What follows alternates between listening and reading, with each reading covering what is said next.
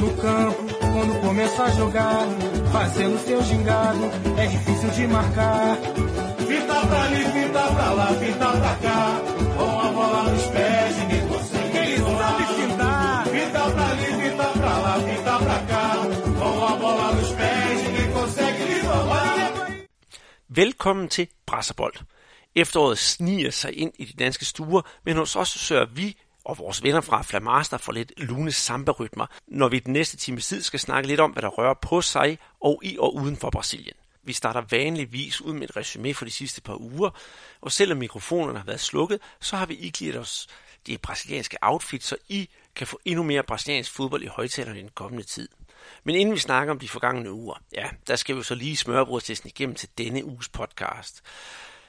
Vi skal selvfølgelig kigge på det brasilianske landshold, der næsten kom til at spille mod Danmark. Og vi har også fundet en brasiliansk pokalmester, og apropos mestre, så er halvårsmestrene i ligaen også fundet. Og så, så lugter det jo faktisk lidt af Copa Libertadores, men inden da, så skal vi jo lige kigge nærmere på lillebrugsturneringen, som kører der ud af på livløs, og det er selvfølgelig Copa Sudamericana. Så skal vi altså også øh, et smut til CAB, som har ja, elefantstore problemer, og fejrer hele to fødselsdage. Så er vi selvfølgelig Knudsens kæphest, og den er virkelig sur den her gang. Og så Peters Cafezinho, som er ekstra sukkerstød, for vi skal jo til lokal fodbold. Inden vi slutter af med en brav af quiz, hvor vi udlover faktisk en øh, bog, en sodavand og så en helt speciel trøje, som jeg vil nok lige skal sige, at vi har fået sponsoreret. Og det kommer vi altså ind på lidt senere. Så alt i alt siger vi velkommen til denne uges Presserbold podcast. Mit navn er Andreas Knudsen, og i Brasilien, der sidder Peter Arnholdt. Velkommen til. Ja, Peter, nu øh, blev det jo endelig tid til, at vi kunne lave endnu en podcast. Jeg sidder jo her i, øh, i det østjyske, og du sidder i det, det, det brasilianske. Og der er jo nok nogen, der har undret sig over, hvorfor vi ikke udkom i sidste uge. Og der vil jeg gerne lægge alle kort på bordet og sige, at det skyldes, at øh, jeg har været en tur i FC Midtjylland og snakket med deres fire brasilianere, de har derovre. Men øh, mens jeg har sådan hygget mig over i, øh, i, i IKAST, hvad har du så lavet, Peter, de sidste, de sidste par uger? Fordi selvom du har familie og alt det der at se til, så har du ikke lagt helt fodbolden på hylden, bare fordi vi ikke har haft mikrofonerne tændt. Nej, nej, der er masser at se til, ikke? Og der her i går, øh, forårs var det ikke, der var jeg ude og se America Mineiro i CB, og det, det er et hold, som nu er op på 12 kampe i, i træk i næstbedste række uden uden nederlag, og det er jo, det er jo forrygende. De rykkede ned fra serie sidste år, og så fik de en elendig start i, i CB her i år, ikke? men øh, så har de skiftet et par trænere, jeg tror faktisk, det er den tredje træner, de er oppe på nu, ikke? og han har fået flow i det. Så, mm, så det, var, det var rigtig fint lige at, at se øh, dem igen. Og så var det weekenden, der måtte jeg jo så også, øh, ja, det, der var ikke så meget fodbold der, fordi at, øh, jeg har jo en datter på snart 6 år. Nu er jeg inviteret til fødselsdag lørdag og fødselsdag søndag, plus der var sådan et øh, skolearrangement, øh, hvad hedder lørdag øh, formiddag. Ikke? Men, øh, men jeg har fået, fået indhentet tingene, fået set en masse øh, videoer og fået, fået skrevet og så gjort det. Så, så jeg er godt klædt på øh, alligevel, øh, til trods for, og en, ja, en, en, en weekend i familiens skød. Og så ellers så må jeg så sige, at øh, det er jo fedt nok at sidde herinde for at, at lave podcast nu. Uh, vi har nemlig fået regn, og det har vi jo ikke haft i nærmest, jeg tror det er tre måneder eller noget der. Men det, det er koldt, og, og det vælter ned, og folk de render rundt og, med jakker og paraplyer. Så, så det er sådan helt øh, dansk at, at være i Belo Horizonte lige i øjeblikket.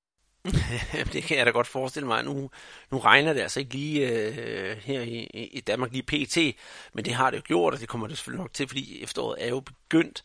Og det, øh, det var også det, jeg sådan havde tænkt mig, at jeg skulle spørge de der gutter der i FC Midtjylland om, når jeg kom derover, fordi der er mange af dem, som, ja, altså, deres kendskab til Danmark, det er jo relativt nyt. Øh, og det fik jeg jo sørme også svar på. Der var jo en af dem, der ikke havde oplevet sne endnu. Og det kan jeg fortælle jer, Paulinho, som jo øh, er deres øh, hvad hedder det, øh, øh forsvarsspiller, de har i, i FC Midtjylland, som jeg håber på at kunne se meget til her inden længe. Men det kræver selvfølgelig, at, at, at Del Hente i FC Midtjylland måske sådan kan, øh, øh kan, kan undvære sig et par gange, så skal Paulinho nok få sin plads. Men øh, inden jeg går alt for dybt i det her med, med FC Midtjylland, Peter, så skal jeg nemlig fortælle dig, at øh, du ved selvfølgelig nok lidt mere end alle de andre gør, men, men til dem, der ikke har, har hørt om det, så tog jeg altså en tur til, øh, til IKAST, og øh, i øh, IKAST blev jeg meget, meget, meget, meget vel modtaget af, af FC Midtjyllands presseafdeling. Og så blev jeg sat ned i deres, jeg ved ikke, hvad kantine, eller hvad det var for et sådan velfærdsrum, hvor jeg så skulle sidde og vente på, at de er dukket op. Og så inden da, at de der fire gutter, de dukket op, så blev jeg præsenteret for gut nummer 5, øh, som jeg jo selvfølgelig ikke vidste, øh, var for FC Midtjylland, og det er, øh, øh hvad hedder han, øh, Evanders fætter, som hedder Igor, øh, og jeg fik en rigtig, rigtig, rigtig god snak med Igor, og øh, vi nåede da næsten op også at komme op og skændes, Peter, fordi øh, jeg er flamengister, øh, og jeg troede også, han var Vascaino som Evander, men han var faktisk øh, Fluminense-tilhænger, så der kunne vi altså få en lille øh, hyggelig snak om det. Og øh, Igor er også professionel fodboldspiller, har spillet professionel fodbold i, i, i Bangu, som øh, er en klub, der måske nogle af jer, der kender, hvis I har læst bogen om Carlos Kaiser. Det får jeg da også den, vi kommer til at udløse senere her i podcasten. For der har Carlos Kaiser haft en stor, stor hvad hedder det, karriere, hvis man skal kalde det, i, i, i Bangu. Men der har Igor altså spillet, og nu er han altså kommet på kontrakt i øh, Herning Fremad og han håber på at kunne drive det til lidt mere. Han spiller faktisk samme position som Evander, men som han selv siger, han er jo ikke så god som, øh, som sin fætter. Og øh, ja, da vi så havde snakket, så kom de der fire, fire gutter øh, forbi, og vi fik øh, trykket hånd, og de skulle lige spise noget frokost, og da jeg spiste frokost, så var de klar til at, til at snakke med mig, og, og jeg havde mit manuskript klar og spørgsmål og sådan noget, men da vi kommer op i det der, øh, den Sky Lounge, hvor vi skulle sidde, så kunne jeg så godt smide det der manuskript ud, for jeg lagde mikrofonen på bordet, og knap nok havde jeg lagt den på bordet, før der var nogen, der begyndte at, at du ved, lave, øh, lave samme rytme og, bum og, og synge i mikrofonen. Du har hørt råberne, Peter, så du kan jo kun øh, sidde og nikke øh, genkende til det der. Og det var jo en, øh, en meget interessant og, og lidt spraglet snak, jeg fik med de fire, fordi der kom, øh, der kom mange gode ting på bordet. Også nogle gode svar på nogle gode spørgsmål, og de havde altså virkelig noget på hjertet, selvom mange af dem ikke er særlig gamle. Vi skal jo huske på, at øh, Patrick, som øh, kommer fra Flamengo, han spiller jo stadigvæk på FC Midtlands U20-hold, tror jeg det er. Og han er jo altså kun 19 år, så det er jo nogle, nogle unge mennesker. Og Evander selv, han er jo heller ikke øh, særlig gammel, trods at han har den der, den der kæmpe erfaring. Øhm, og, og så vil jeg nemlig også spørge dig, for du har hørt det. Tror du ikke også, at der er, der er der noget potentiale for, at øh, dem, der, dem, der vil høre noget om, hvordan det er at være brasilianer i dansk fodbold, de har noget at glæde sig til? Jo, helt sikkert. Altså, der er jo også øh, de der, øh, hvordan det er at opleve danskerne for eksempel. Det, der er der nogle, nogle ting at sige. Der er noget også i forhold til, til øh, det pres, man, man oplever øh, fra fans her i Brasilien kontra det pres, man oplever fra, fra danske fans. Jeg synes, der er rigtig øh, mange gode øh, pointer, og øh, du får stillet nogle rigtig gode spørgsmål, øh, som sikkert også har gjort, at de begynder at reflektere lidt over, hvad det egentlig er for et sted, som, som de er i nu, ikke? og også hvad det er for noget, det er en baggrund, de, de kommer fra. Ikke? Og så forhåbentlig kan de jo blive, hvad skal vi kalde det, akklimatiseret hurtigt, ikke? således at de kan, kan, kan give den fuld skrald for, for Midtjylland. Det håber jeg. Og øh, til jer derude, der siger, nej, hvornår kommer podcasten så? Det har de også spurgt mig om i FC Midtjyllands presseafdeling så skal man nok bare væbne sig med tålmodighed, fordi den er ikke færdig. Jeg har råbåndet, og der skal oversættes en, en del i det her, øh, og der skal sorteres ud og så videre. Og så har jeg fået, fået lovning på, at jeg kan lave en optakt med sportschefen i Midtjylland, Svend Graversen. For det, jeg synes, der var interessant, det er også, hvordan man får integreret sådan en flok, øh, flok mennesker i, i, i det midtjyske. Fordi jeg kan jo ikke komme udenom, at øh, om det er Herning eller Ikast eller Randers, eller hvor de spiller hen, så er det jo en helt anden verden, end at spille i henholdsvis Bahia, Flamengo eller Vasco. Så det glæder jeg mig til, og det må de jo have altså hvis nogen klub i Danmark har erfaring med integration, så må det jo være FC Midtjylland også med deres afrikanske akademi. Så det glæder jeg mig rigtig meget til, Peter. Og øh, ja, udover det, så har jeg haft en snak med, med en lille Bix, der ligger her i, i der ligger faktisk i Randers, hvor jeg også bor, der hedder MM Sport, men det er også meget en internet, øh, en internetside. De har altså udløjet en, øh, givet os en, øh, en Vasco da Gama trøje, og du har jo netop set den, og du slikker dig jo nærmest om munden, da, da, da jeg sendte dig det der billede. En øh, Vasco da Gama trøje, jeg tror det er en årgang 2011-2012, sprit ny, Øh, og den vil han altså gerne donere til, til, til vores podcast, så vi kan komme afsted med den i en konkurrence, og den konkurrence kommer vi ind på senere. Så vi sætter altså både en, øh, en bog, det er jo så fodboldsvinderen på højkant, en øh, Vasco da Gama trøje fra, fra MM Sport, og så selvfølgelig øh, 120 styks halvliters Guadalajara, for det kan vi altså ikke komme under, fordi den her podcast har vi ikke kunne lave uden Guadana, og det er vi rigtig glade for, at de øh, hjælper os med det her. Og med hensyn til trøjen, så skal jeg også sige, at øh, det, jeg har ikke set mange danske butikker, hvor man kan købe brasilianske fod, fodboldtrøjer, men inde med mmsport.dk, der har han altså nogle stykker, og man skal altid være velkommen til at ringe til ham, fordi han kan nok skaffe nogle af dem, så har vi i hvert fald også øh, sat det på plads. Men Inden vi kommer til quiz og alt det der, Peter, så skal vi jo snakke om noget af det vigtigste, der er sket i, i denne her uge, hvis man kigger sådan med, med det helt store helikoptersite. Og det er jo øh, det brasilianske landshold. De har jo spillet to testkampe, og øh, de gik jo ikke lige frem fremragende i nogle af dem, det kan vi skruelig indrømme. Nej, det, det er jo rigtigt. Altså, vi havde øh, i sidste podcast, der havde vi jo øh, fat i den kamp mod Colombia, ikke, som vi snakker om, var, var en fantastisk propaganda for sydamerikansk fodbold. Øh, den endte 2-2, ikke? Og, og Neymar var jo tilbage og, og fik, øh, fik scoret et, et enkelt mål. Øhm, og så er der så den kamp, vi ikke har snakket om, øh, hvor de så spiller mod øh, Peru. Og, øhm, og der, øhm, der gør Titi det, han, han laver en del om på, på, på opstilling. Der er fire af, nøglespillerne, der, der er ude, blandt andet Dani Alves og, øhm, og Neymar. Øh, de bliver holdt på bænken. Og det giver jo plads til nogle, nogle nye spillere, øh, blandt andet Eder Militant og David Nettes er, er som fra start. Ikke? Og, øh, og det kunne man godt se, der var de der ændringer. Altså de, brasserne har godt nok nogle gode chancer i første halvleg ved blandt andet David Nettes og Richarlison. Øh, og i anden halvleg, der er Alain faktisk ved at, at, at, at komme, ja, komme til, til scoring. Øh, men, øh, men det, det lykkedes ikke rigtigt, ikke? og så, jeg tror det var kvarteren i, i anden halvleg, så kommer Neymar på, på banen. Og det gav et eller andet sted noget, noget mere tempo. Øh, Andreas, men øh, ingen scoringer, ikke? Og, og hvad sker der så til, til aller, aller sidst? Ja, så, jamen, så, scorer, så scorer Peru jo. Øh, øh, ja, og hvad skal man så sige? Øh, men det var Luis Abram, der satte, der satte patten på, på en bold kort før tid, og så så score til, til 1-0, som er så, så, så resultatet. Men, men ja, så kan man stå og begræde det bagefter. Øh, øh, der var også et debut til Vinicius Junior, som var lidt nervøs, men, men, men mit, mit, mit sådan, tankespind på det her, det er, jeg er sådan set ligeglad med, at Brasilien har tabt en testkamp mod Peru, fordi de slog jo med Copa America, så var alt jo godt. Men er der noget sådan, at der, der, der vækker tanker? Øh, øh, hvad, hvad, hvad kan vi gøre? Eller vi, det er mere Chiche. Hvad skal Chiche gøre? Og, og, og, og var det her bare en testkamp, vi sådan skal glemme, og så sige, okay, det var så det videre?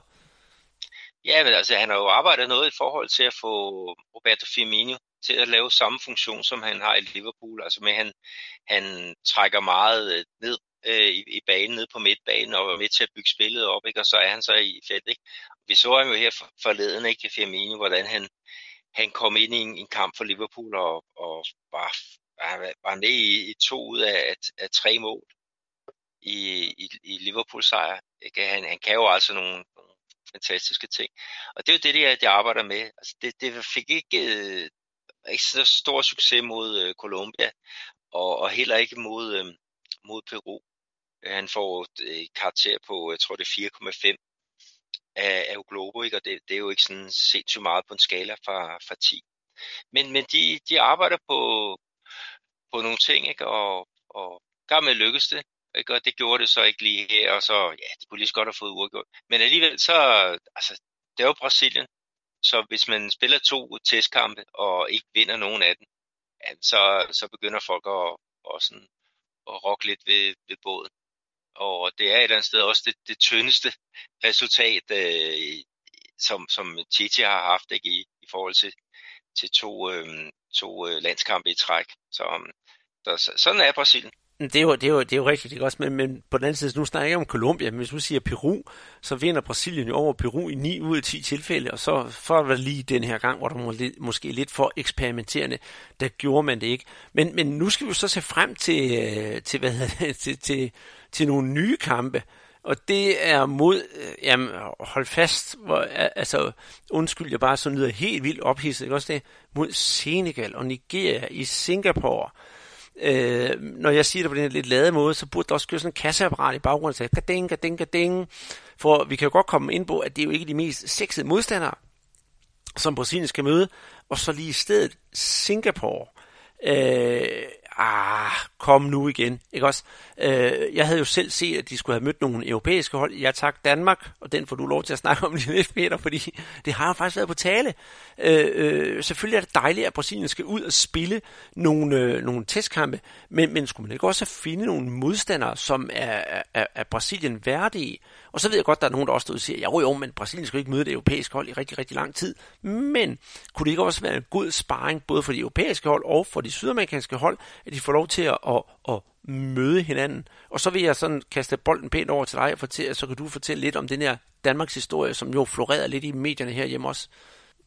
Ja, men altså, der, der kommer jo kritik over, at, at de hele tiden spiller på nogle, nogle specielle steder, ikke? og de spiller mod nogle, nogle hold, som vi kan kalde hvad, måske lidt eksotiske, ikke? eller nogle af dem, som de alligevel spiller mod i Copa America og, og øh, i, i VM-kvalifikationskampen. Ikke? Det så vi jo her sidst med Colombia og, og Peru.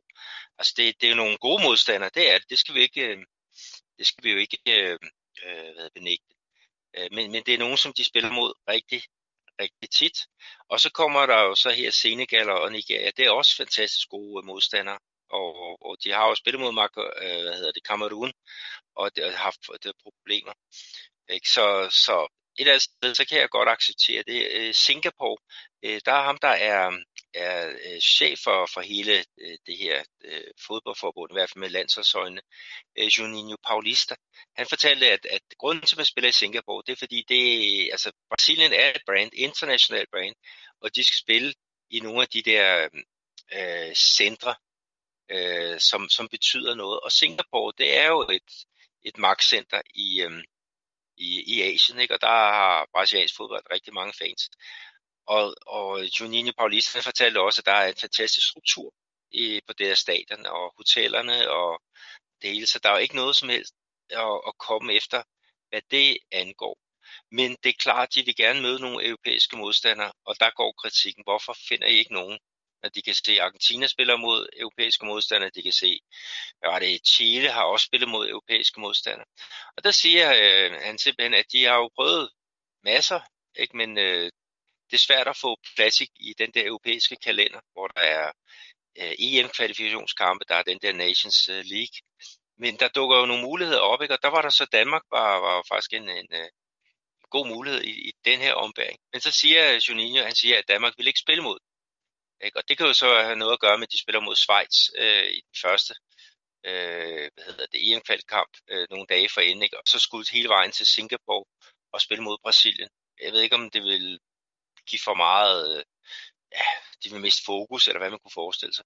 Men det er i hvert fald en af grundene til, at, at øh, det danske landshold, øh, de sender alt sagt noget med transport, altså de konditioner, der er. Jeg tror, hvis man havde sagt, vi spiller i parken, øhm, så kunne det måske godt være, at der var, var kommet noget ud af det. Men igen også, hvornår skal Brasilien møde europæiske modstandere næste gang?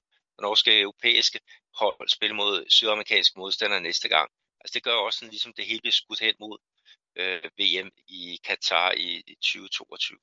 Så, så det er sådan en af sted forklaring på, på at, at vi desværre ikke fik øh, øh, DBU i, i aktion her mod, mod Brasilien. Det havde været rigtig fedt. Det havde det, og jeg skulle, lige til, jeg skulle også lige til at komme med sådan en bitter pille om, at, at uh, Junior Paulista har jo spillet uh, i, i Middlesbrough selv, det er der, han er jo nok blevet mest kendt for, uh, så kunne han ikke have trukket lidt på nogle tråde, og så fået Brasilien England igen til at spille mod hinanden, måske ikke Singapore, men et andet sted, men, uh, men sådan er det nu engang, og det, jeg tror stadigvæk også, at netop det der med, med man skal plise øh, øh, dem, der nu kan lide en, ligesom de der store europæiske hold, altså på de her ture over i Asien. Øh, selvfølgelig skal man også have det i sin, sin tankegang, men åh, have, Nej, jeg ville så bare gerne have, at de spillede mod det europæiske hold, og vi havde fået nogle store kampe, om ikke andet herhjemme, eller man kunne tage en øh, familietur til hvad ved jeg, om det var Tyskland eller England, der kom over og se Brasilien, men sådan er det nu engang, og må ikke det sker på et, øh, et tidspunkt. Men så apropos det, det brasilianske landshold, nu når de skal så til, til Singapore og spille mod Senegal eller Nigeria, så skal vi også øh, tænke på, hvem har Tite så udtaget til holdet, for det er jo, øh, det er jo ret interessant. Og øh, ja, Vinicius Junior, han er faktisk ikke med, Så det har givet plads til flere af de hjemlige spillere fra, fra ligaen, hvilket så betyder for eksempel, at øh, Gabi Go, ligaens topscorer, han er blevet udtaget, og Everton fra Everton Cebolinha og Gabi Jesus er også tilbage efter karantæne, spiller selvfølgelig ikke i, i, i Brasilien længere, men, men det jeg vil komme ind på også her, Peter, efter vi har gennemgået, øh, gennemgået den der trup, han har udtaget, det er netop den der brug af, af hjemlige spillere, som jeg synes er faktisk en, en ret interessant debat. Men skal vi starte med at tage, tage de, øh, de udvalgte for, for Brasilien? Ja, lad os få den med ægte øh, carioca, altså rio Det kan vi godt. Skal vi så, jeg tænker på i den her, i den her omgang, så kan vi også tage deres positioner som øh, på, på portugisisk. Hvad siger du til det? Jo, jo, så kan folk regne ud, hvad, hvad de enkelte ord betyder. Så lad os starte med goleros. Goleros, og det er Ederson fra, og så siger det også, som man siger Manchester City. Og så, og øh, så har vi, øh, hvad hedder det, øh, Weverton fra Palmeiras.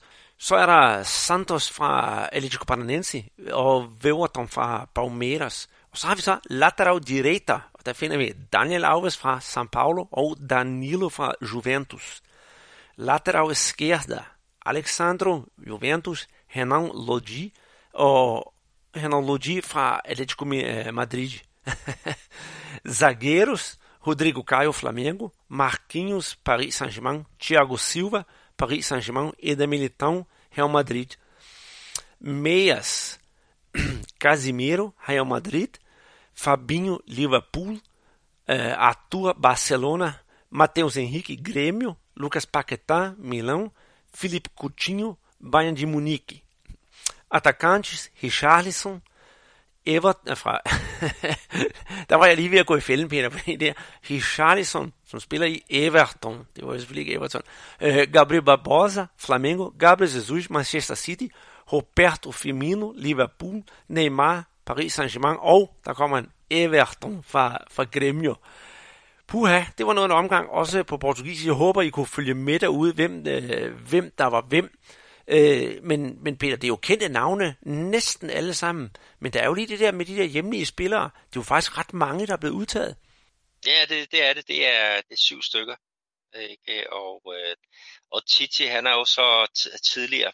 Øh, det er jo således, at, at øh, den brasilianske serie og pokalturnering, når den er i gang, den, den kører jo bare videre, mens der er, er folk, der, der skal til, til landsholds øh, samlinger.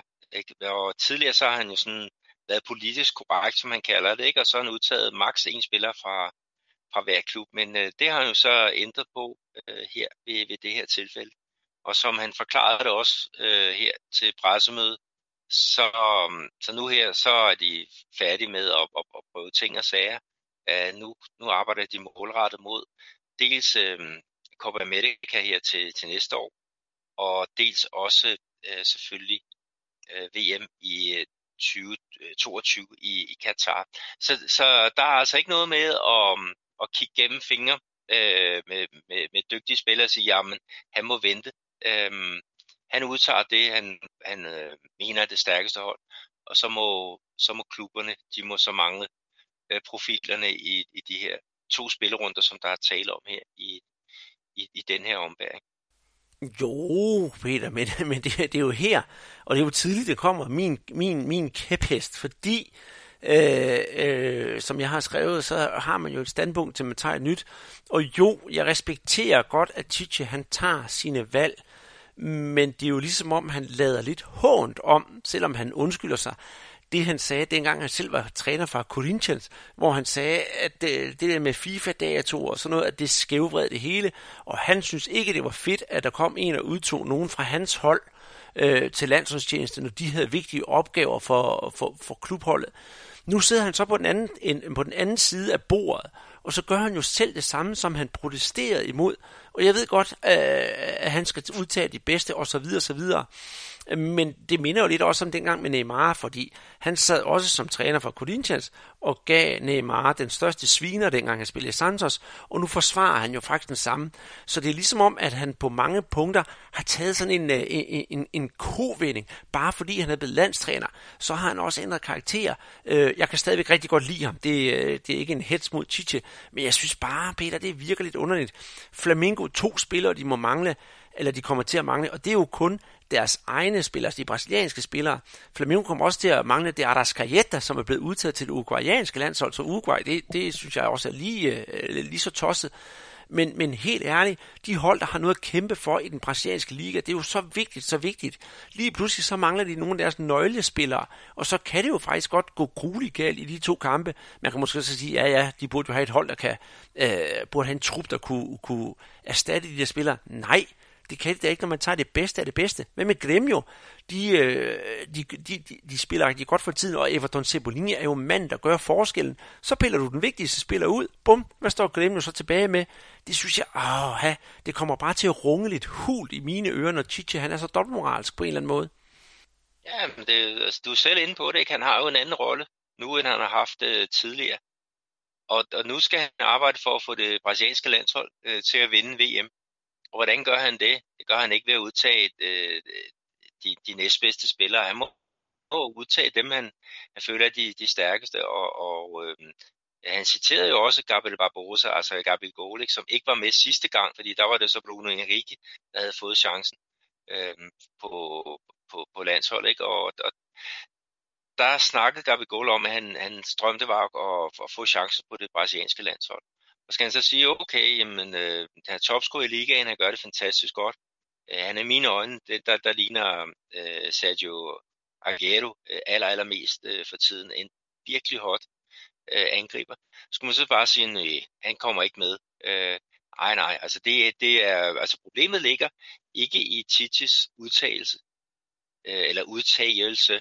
Det ligger i, at det, eller den brasilianske liga ikke ligger stille på de her FIFA-datoer. Øh, og det er jo det, man skal gøre op. Altså, man har jo gjort plads til øh, fire måneders regionale turneringer i starten af året, hvor man spiller i, i, i Rio og i, i Minas Gerais og alt det der, ikke? Om, om delstatsmesterskaberne. Det vil så sige, at, at man skal så spille en Premier League turnering på det, der hedder, ja, ja det er ikke engang syv måneder.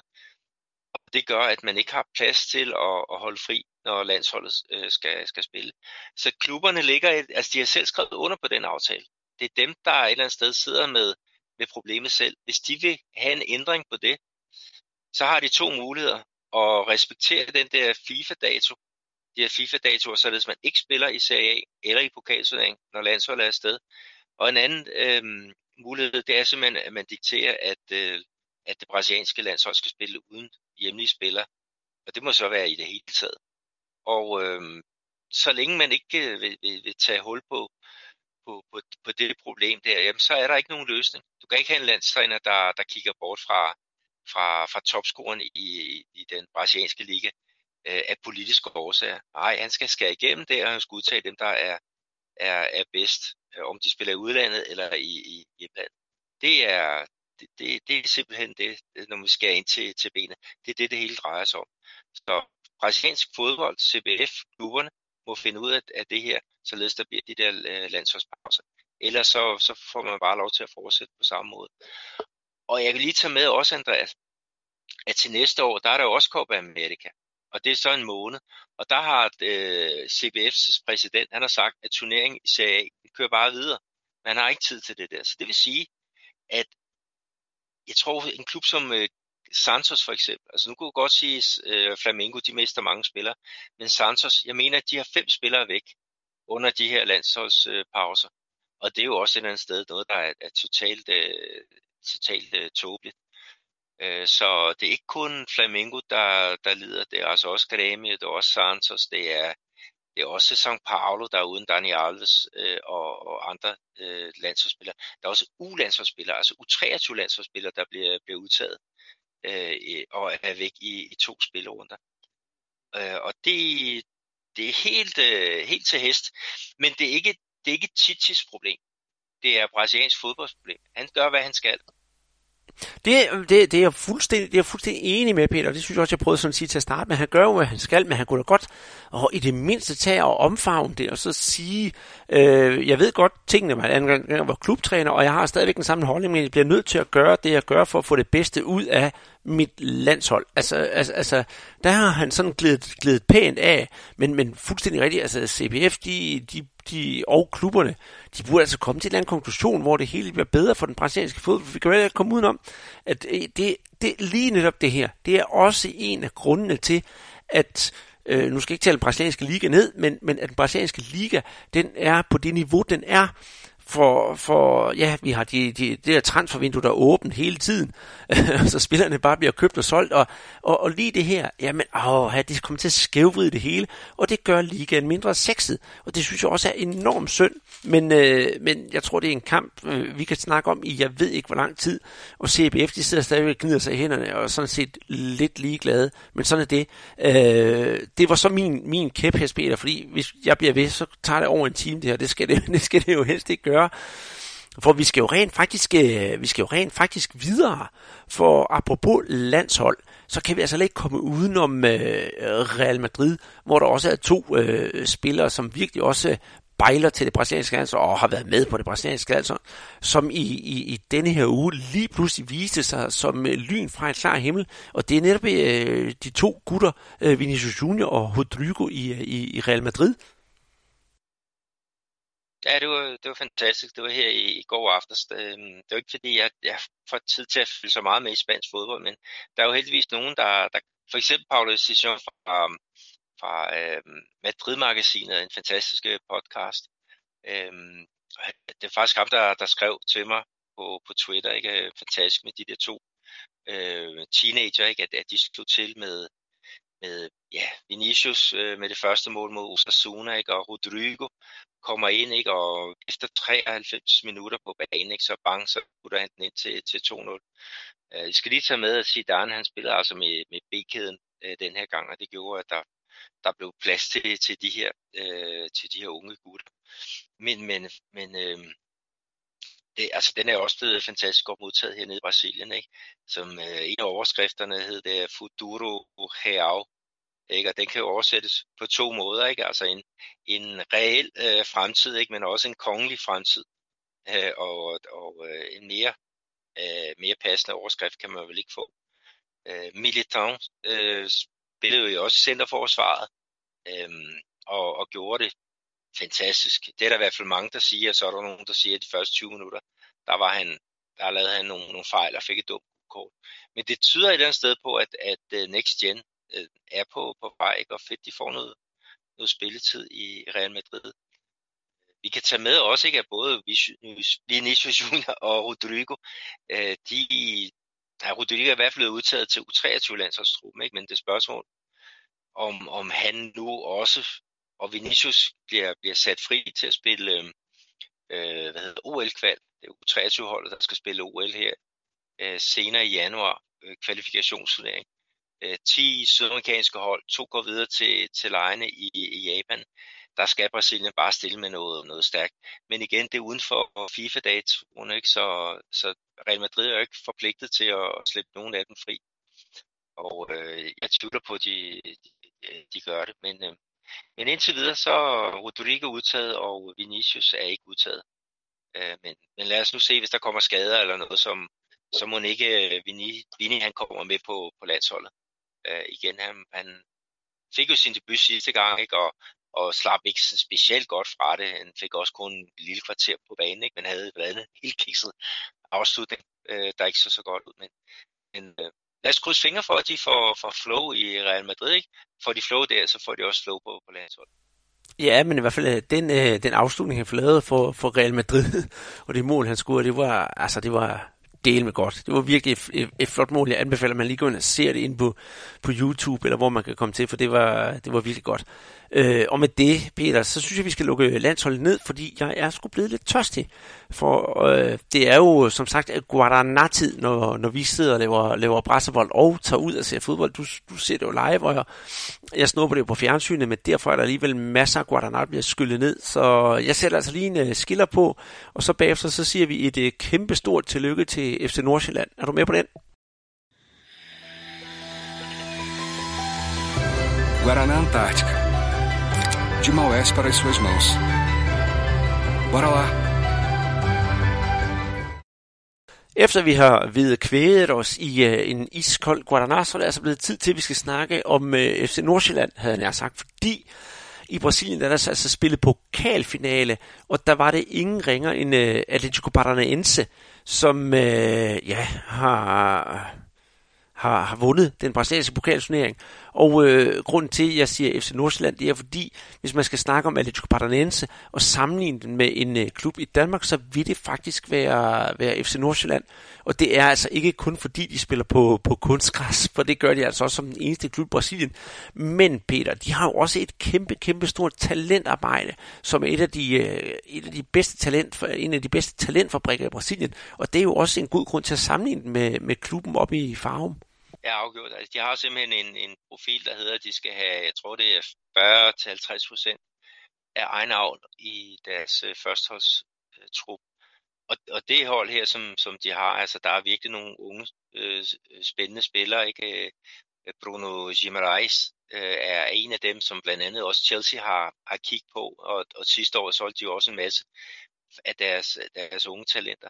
Men det, det er typisk det der med, når man øh, er en, en sælgende klub, så, så bliver det til lige ved og, og næsten, men, men øh, det, sådan er det altså ikke for Atletico Paranaense. Altså, øh, her i pokalfinalen mod International, der har et meget, meget større øh, budget, der øh, vandt de den første kamp hjemme med, med 1-0, hvor målet netop er Bruno Gimarais. Og så kommer returkampen øh, på et ja, Rio i øh, Porto Alegre, øh, hvor der var var simpelthen uh, tilskuerrekord uh, med over 50.000 uh, øh, tilskuere på det der uh, flotte stadion. Og, og de går frisk til det, Atletico Paranaense. Altså, de har fået meget kritik for, at de kun var gode hjemme. Men, men her, der, der synes jeg, de, de sætter sig fint på kampen, kommer foran ved uh, Leo uh, Cittadini, faktisk en, som de har hentet i, i Santos, en anden øh, talentfabrik. Og så får Nico Lopez, han får altså udlignet til, til et æg, ikke? og så skal Inter selvfølgelig op og presse på for at, at få udlignet til, til 2-2 i den samlede stilling.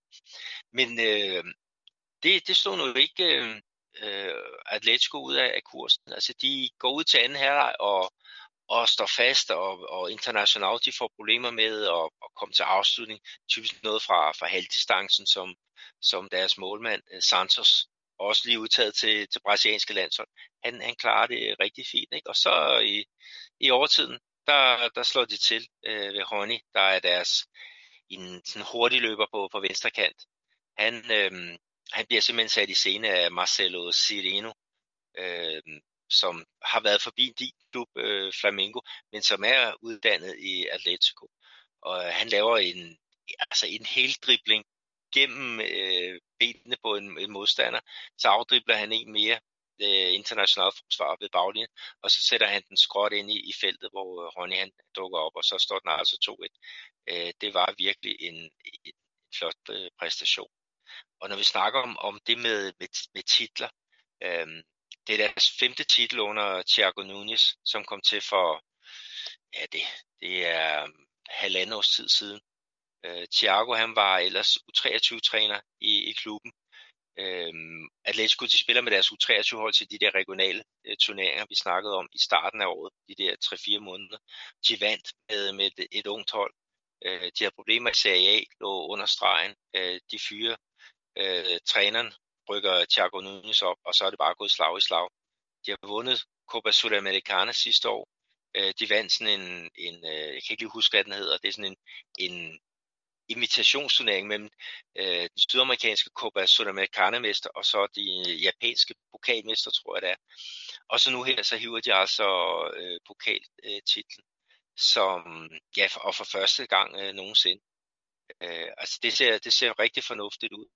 De kommer til at sælge flere spillere, men øh, jeg synes hver gang de hiver noget over fra deres øh, talentafdeling, fra deres U23-hold, eller hvad det nu er, så er der altså noget, der, der slår igennem en anden øh, Renan Lodge, som er udtaget til det brasilianske land, som spiller for Atletico øh, Madrid. Han er også her fra, fra det her, øh, den her talentfabrik. Så, så øh, det er bare lidt på, på hatten for Atletico Paranaense at sige tillykke med, med den her flotte titel. Ja, det, jeg synes også, det er fortjent netop, og du fortæller rigtig godt om deres ungdomsarbejde, og det er virkelig, virkelig flot, og det er altså en klub. Mange andre brasilianske klubber kigger sådan lidt til, se hvordan er det, de gør det her, prøve på, på efteraben. Men Peter, det var jo ikke alt, der var fryd og gammel ved, det her, ved, ved, ved den her pokalfinale, desværre. For øhm, da de øh, Atletico Paranaense de skulle øh, til, øh, til lufthavnen og, og, og flyve afsted, så blev de modtaget af en masse, masse Atletico-fans. Og øh, der skete det hverken værre eller bedre, at der var en masse fans, der ville, øh, kan man sige, stå og lave sådan en, en, en allé med, røg, øh, med, med sådan røgbomber, hvor der kommer sådan røg ud af, ud af nogle rør.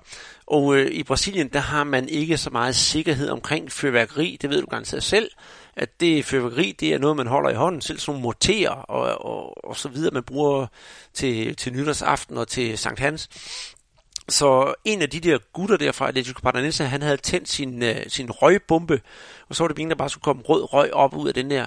Og så siger det lige pludselig, bang, og øh, ja, der sker hverken værre eller bedre, at hans øh, højre hånd, hvor han holder den her, den bliver fuldstændig lederet.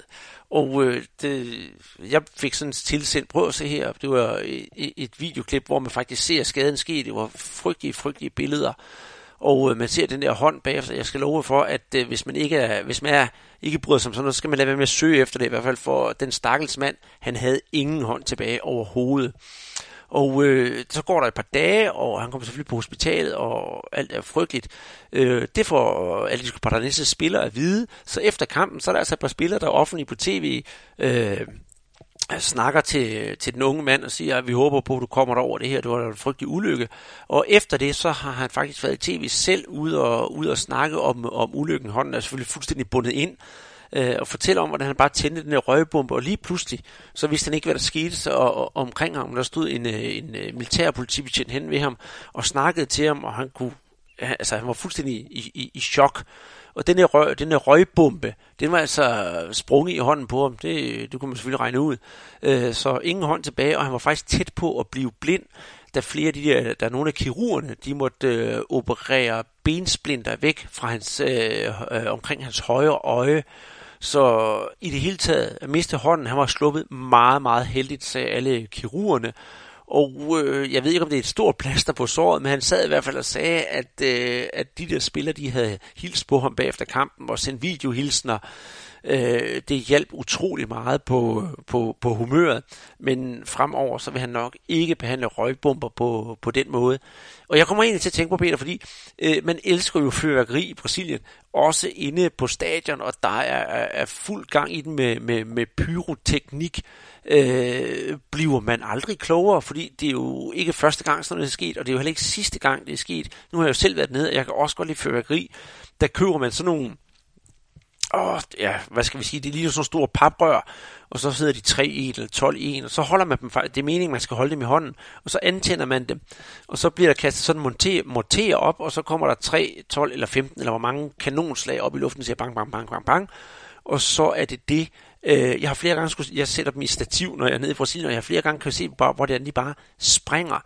Øh, har folk ingen respekt for fyrkeri, når det kommer til, i hvert fald til fodbold også?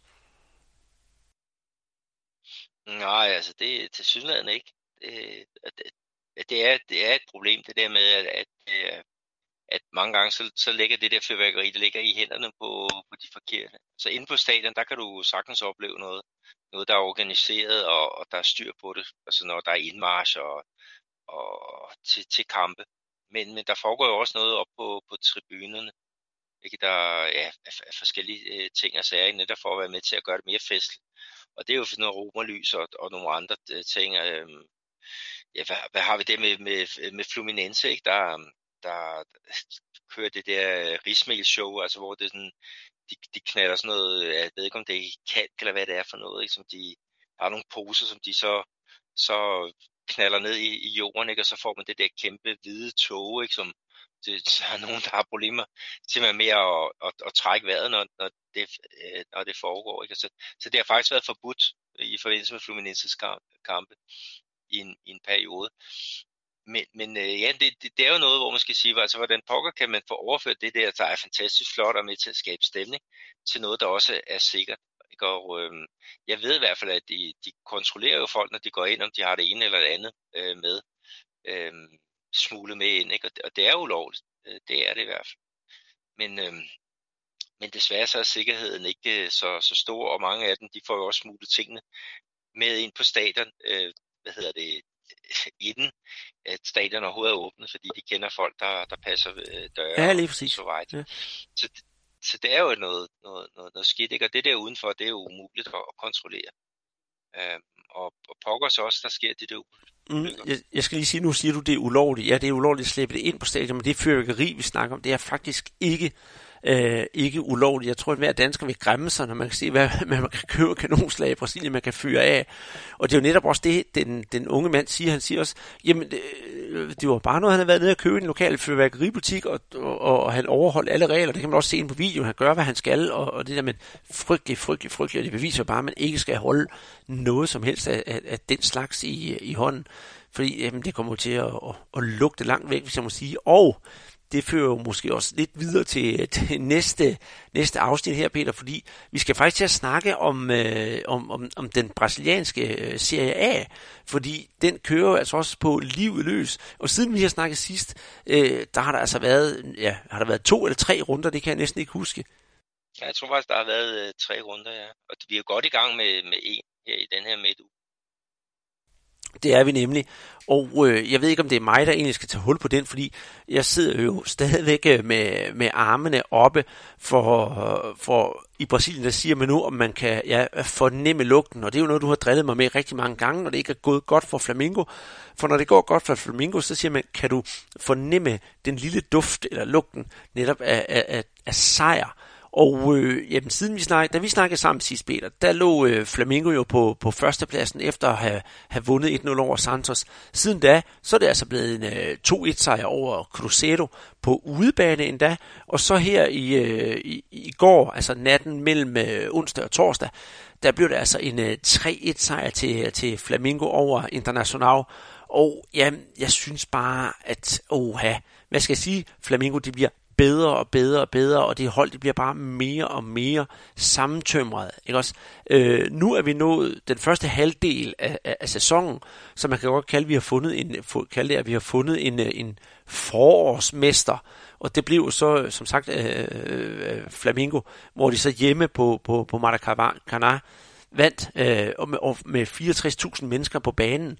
Og det vi ser igen, det er jo de der gyldne trækløver, som viser sig fra den bedste side. Altså, Gabigol, De Arrascaeta og Bruno Henrique. Øh, er der noget, de tre mennesker ikke kan udrette sammen?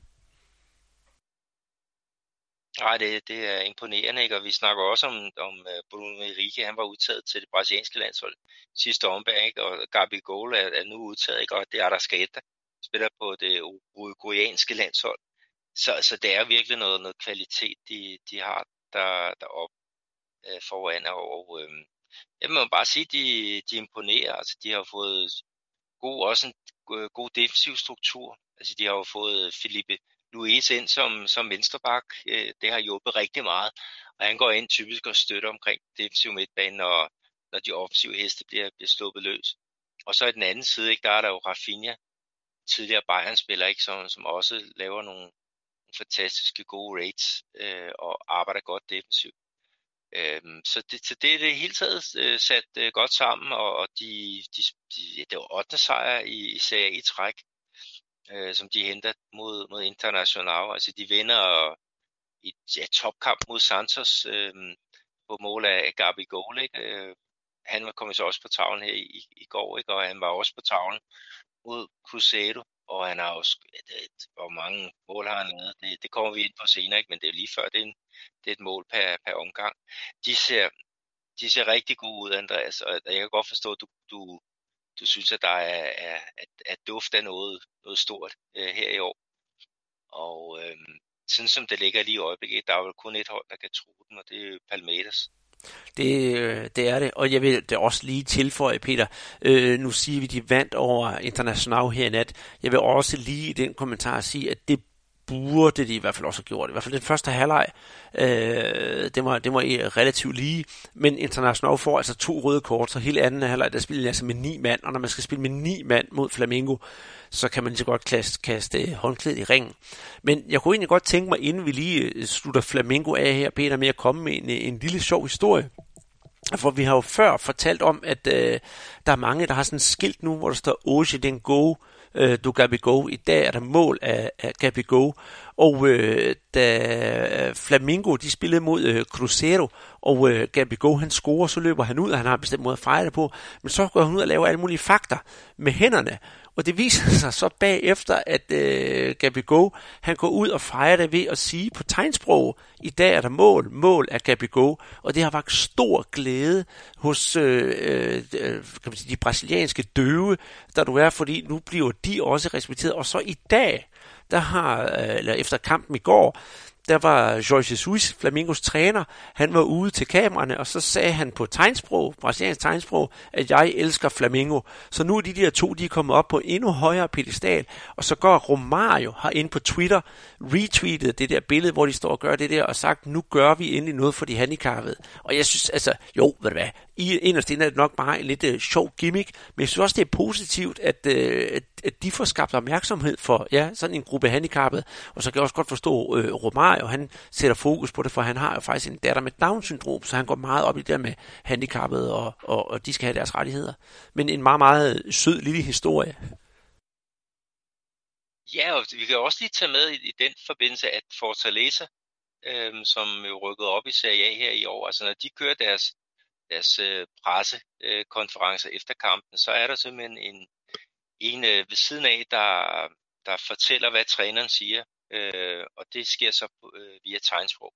Så det er måske den klub, der er aller, aller længst øh, fremme. Det er ikke bare gimmicks. Det her, det, det er noget seriøst noget. Det vil sige, de, de, de fodboldinteresserede folk, uanset om de øh, kan høre eller ej, de kan i hvert fald få at vide, hvad, hvad træneren mener øh, lige efter en kamp. Så det, det er jo positivt. Mm-hmm. Og øh, ja, vi skal jo som sagt videre. Parameters, sagde du, det er jo det eneste hold, og PT sådan lige umiddelbart sådan lugter lidt til, til Flamingos bagdel, hvis man skal sige det. Øh, efter, efter at de tager, faktisk tabte 3-0 til, til Flamingo, er Parameters jo faktisk kommet rigtig, rigtig meget på, på vinderkurs. Og vi har jo snakket, Peter, øh, de har fået Manu Menezes ind, øh, om det var same-same forhold til, til Filipe Scolari, og det var det nok lidt, men det ser åbenbart ud til at have hjulpet. Parameters, de har vundet en, en del smalle sejre, og ja, Flamingo har vundet fem kampe i streg, nu har Parameters har vundet fire kampe i streg, og de har faktisk en kamp i hånden i forhold til, til Flamingo, og den vinder Parameters nok, for det er på hjemmebane mod øh, ja, øh, Brygelknappen fra, fra CSA op fra, fra, fra Marseille så var det jo bare en, ja, kan man sige, en ny styrmand, om end det er same same, og så kører vi bare derud af efter den, den, den stukne kurs, som, som der har været fra starten, og, og Parmenas skal nu ja, tilbage og tilbage erobre førstepladsen fra Flamingo. Ja, det, det er afgjort muligt. Altså, der er også det Palmeiras, de kan kun koncentrere sig om én ting nu, ikke? og det er, er turnering. Øh, de har heller ikke rigtig fået udtaget nogen, nogle spillere til, til de her landsholdssamlinger, så det er jo også noget, som, som de ser, ser øh, på med, med ikke hvorimod Flamengo, de skal afgive nogle, nogle spillere.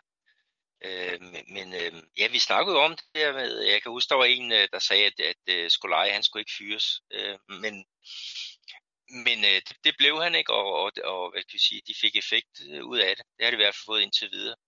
Øhm, hvis, øh, og de holder fast i deres, deres koncept øh, sådan noget øh, minimalistisk fodbold, kan man kalde det. Og der har vi så et andet eksempel her fra, fra min baghave, Cruzeiro, ikke, som, som netop havde Manu Menezes, der kørte det der øh, meget defensive fodbold. Øh, med, ja, der var nogen, der sagde, at hans, hans øh, foretrukne øh, Øh, sejrsresultat, det var jo 1-0, men man tvivler lidt på, om han ikke synes 0-0 var federe. Øh, men der fik de jo så øh, Rogerio Seni ind, som vil gå ind og spille noget mere offensivt det har været et, et kæmpe problem. Øh, og, og han har, Rosario Sene har jo ikke fået liv i Crusaders øh, gode tro. Øhm, og det er igen det der med, hvis man skifter hest midt i, i vadestedet, og vil også til at, at lave op på spillestilen, så, så, så får man nogle gange tæsk. Og Rogério Sene, altså mens vi snakker her, det kan godt være, at han er fortid i, i Cruzeiro. Altså han, han har gjort sig utilbens med, med direktionen, med spillerne osv., fordi han vil ind og, og dominere, han vil ændre for meget.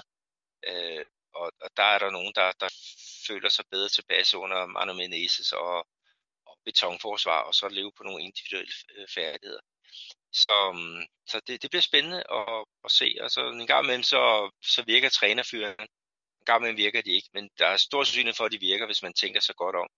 Det har Cruzeiro altså ikke øh, gjort. Mm, og, der, og, og det der har Cruzeiro Luceni heller ikke gjort. Nej, det er rigtigt. Siden han sagde ja til ja, Og der vil jeg faktisk godt lige vende, vende et kort øjeblik, Peter, tilbage til Flamingo, fordi jeg var jo også nemlig kritiseret Flamingo for at ansætte Jorge Jesus og sige, det her det går helt galt, og det vi stod også snakke om, bliver det en dreng eller en pige, den her fødsel, for det var helt forrygt, øh, og det der Geo Gerløs, han lagde han mixede frem op og ned med hold og sådan noget der, men lige pludselig ser det altså ud til, at man har fundet frem til en eller anden en melodi, der spiller, og det er jo i det her, i det her tilfælde, der fungerer det jo, det er jo rigtig godt.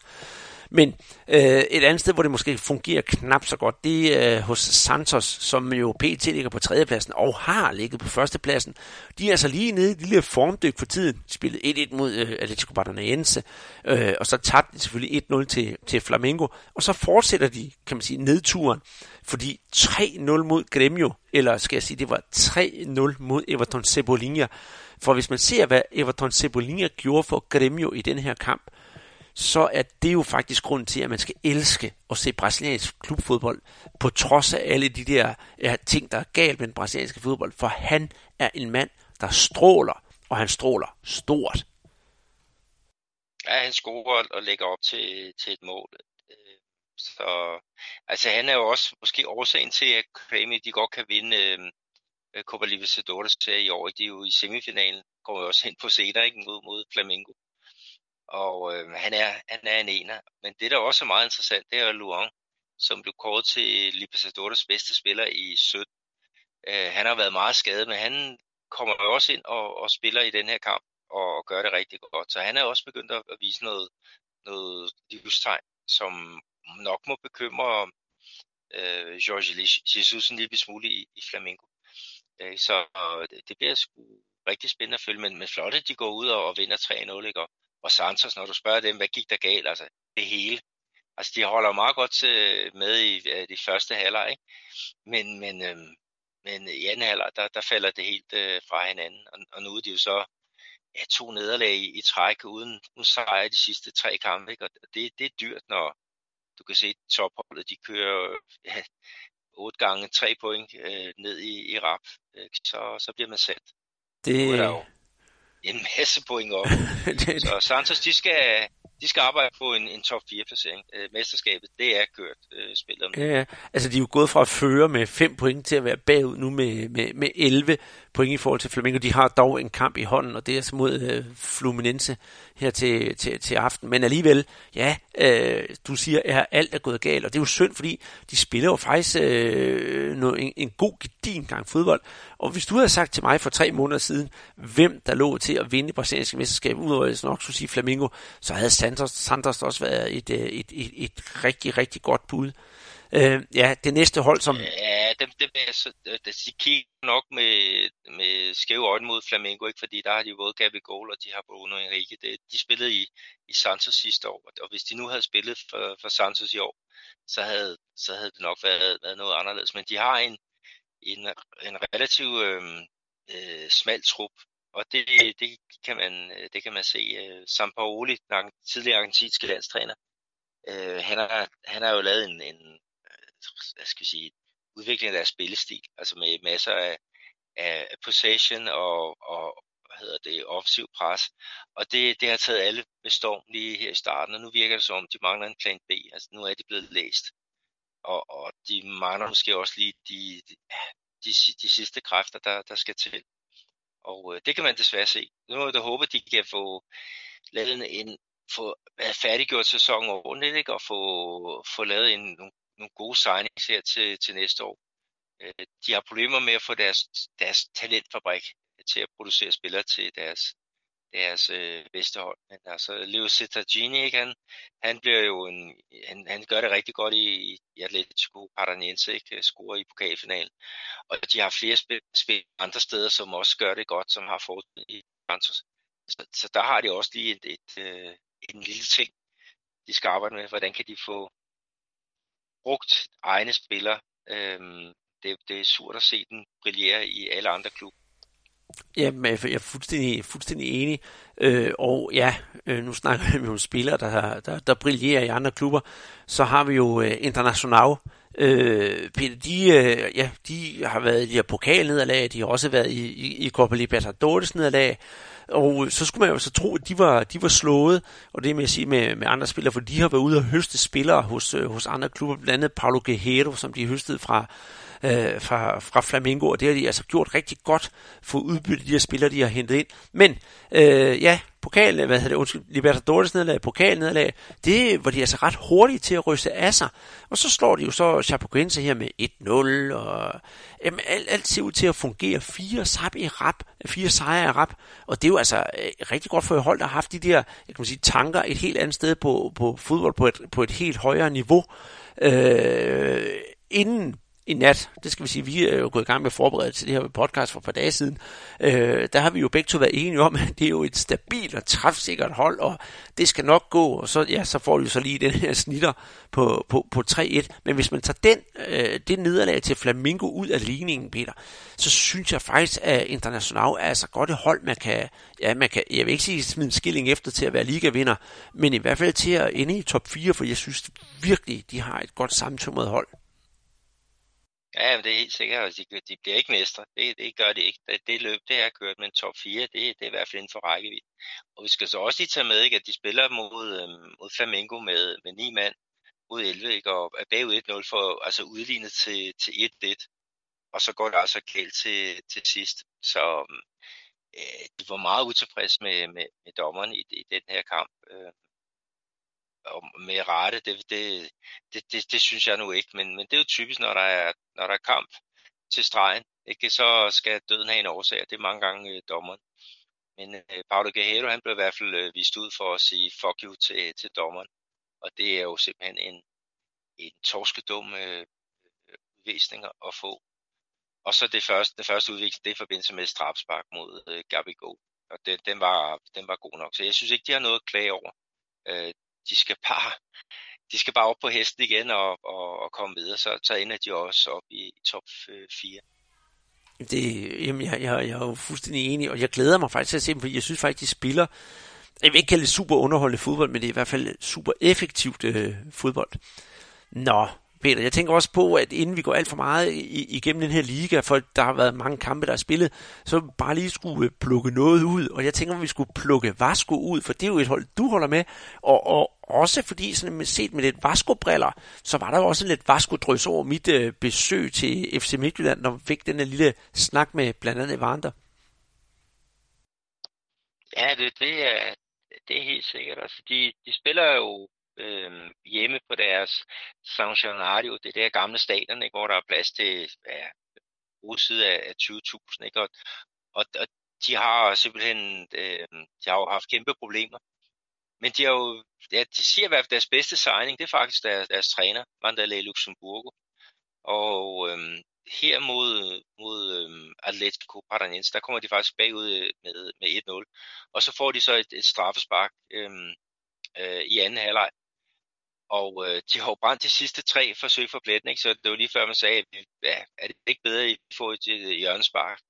Men øh, øh deres venstre bak, Danilo Barcelos, han, han øh, troppede op og, og puttede den i, i kassen. Så, så det var et øh, rigtig vigtigt point. Og øh, man har simpelthen på fornemmelsen også, at, at publikum face, de bakker op om der, deres hold, ikke? og det, det er vigtigt. Luxemburgo siger selv, at øh, San det skal være vores Calderon, som man kan kalde det, altså vores, øh, vores force. Og de har ikke så meget at skyde med offensivt, øh, det vil være synd at sige. Så de spiller sådan en slags argentinsk fodbold, altså meget defensiv øh, struktur.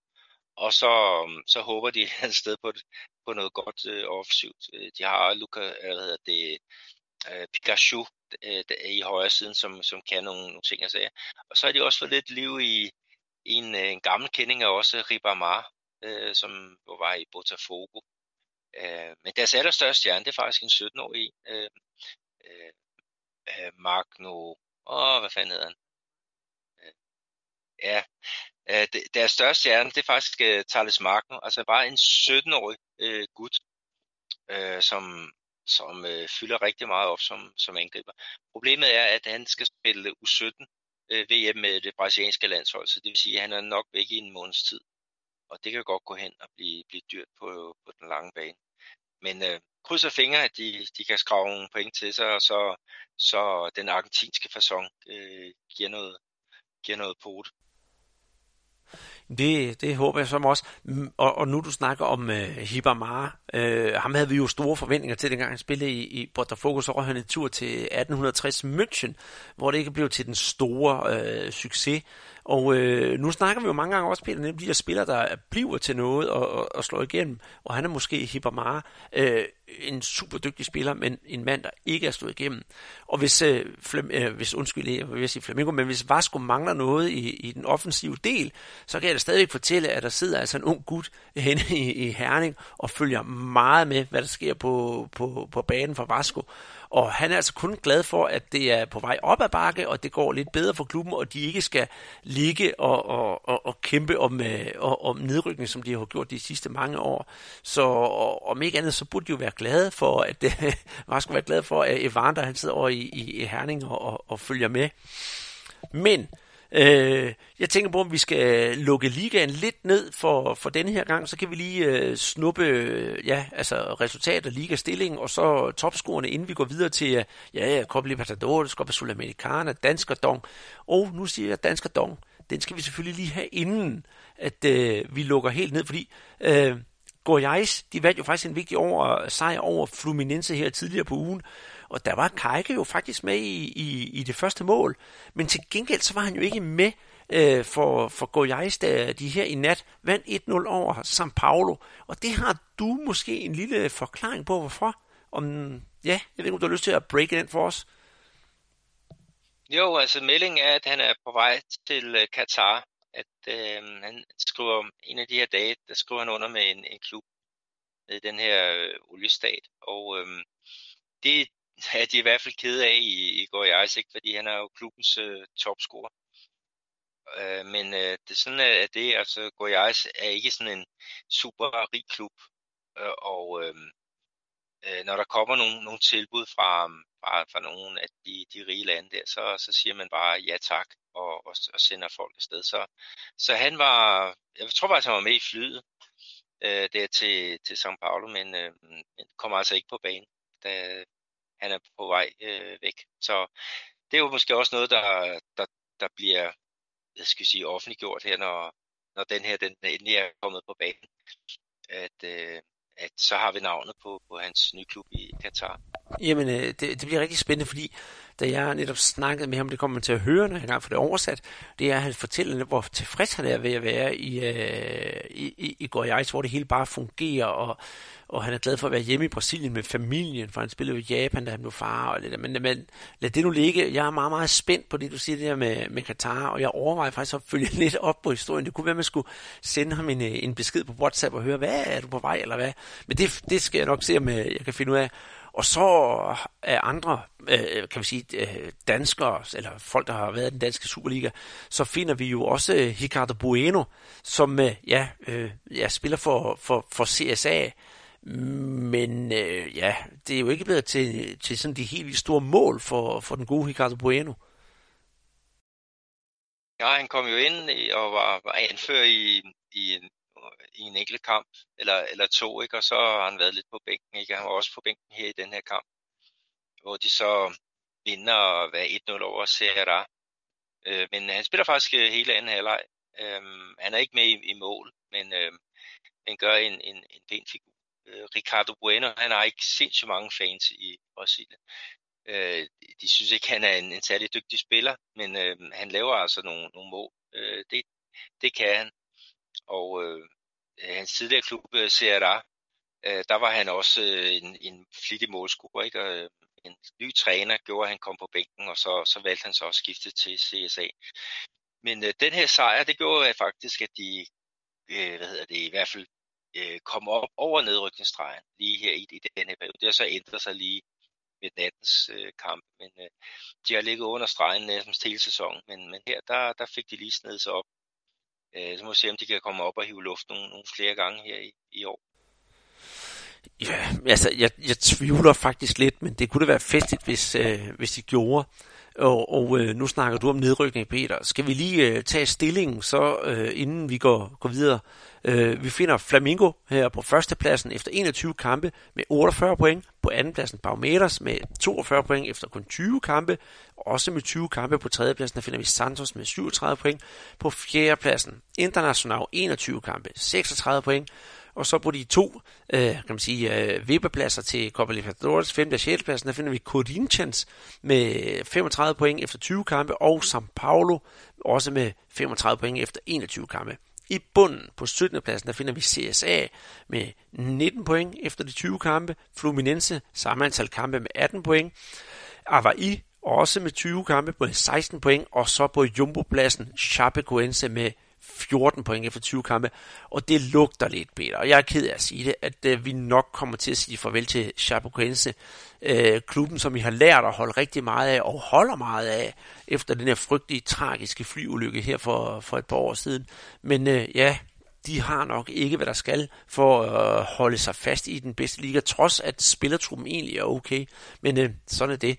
Hvad med topscorerne? For der finder vi jo Gabi Go, det, har vi jo næsten ikke, øh, det kan vi næsten ikke komme udenom, at han stadigvæk er på førstepladsen.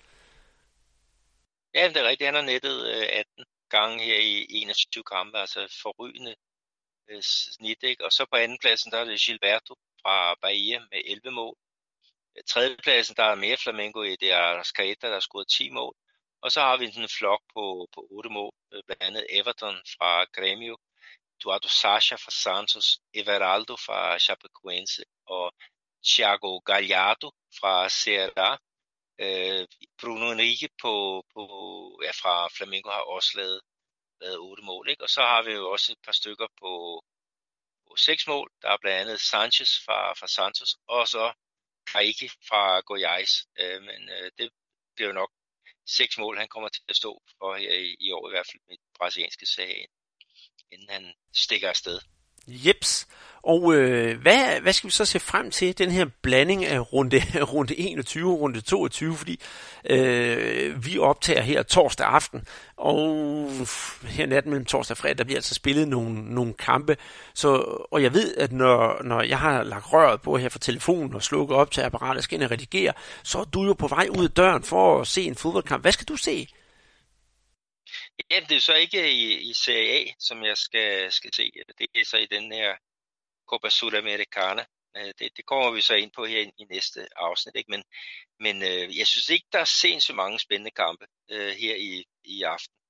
Øh, måske Fluminense mod, mod Santos. Øh, det er jo to hold, der er lidt i, i krise, dog i hver sin ende af tabellen. Men ellers ikke, så er der jo i, i weekenden, øh, der er der blandt andet Corinthians mod, mod Vasco. Øh, der er International mod øh, Palmeiras. Øh, Fluminense mod Grêmio, det er jo også nogle, nogle lækker biskner, ikke? Og så er der jo en kamp, som jeg ved, du ser meget frem til. Det er nemlig Flamengo São Paulo. Det bliver, det bliver rigtig stort. Det er helt vildt, og jeg glæder mig til at se Daniel Alves mod, mod Flamengo. Det bliver, det bliver rigtig godt. Øh, ja, øh, jeg er fuldstændig enig med dig, at i aften, der, eller i nat, der er det altså kun den der Fluminense Santos, der måske er værd sådan at, at, at, at holde sig vågen til. Men, men i weekenden, det er jo simpelthen et, et, et jeg kan man sige, et stort til selvbord af, af, af lækre kampe. Så der er altså noget at glæde jer til derude, og vi håber jo stadig på, at der er nogen Strive for eksempel, der gider at tage de her kampe op, så man kan se dem, selvom det er på, ja, til tider lidt underlige tidspunkter. Men for eksempel, Peter, øh, her på søndag, øh, der har vi jo øh, Corinthians Vasco, og den bliver altså vist kl. 16. Øh, den bliver spillet kl. 16 dansk tid. Så det er jo ikke sådan helt umuligt at sidde og se brasiliansk fodbold på et ordentligt tidspunkt af døgnet.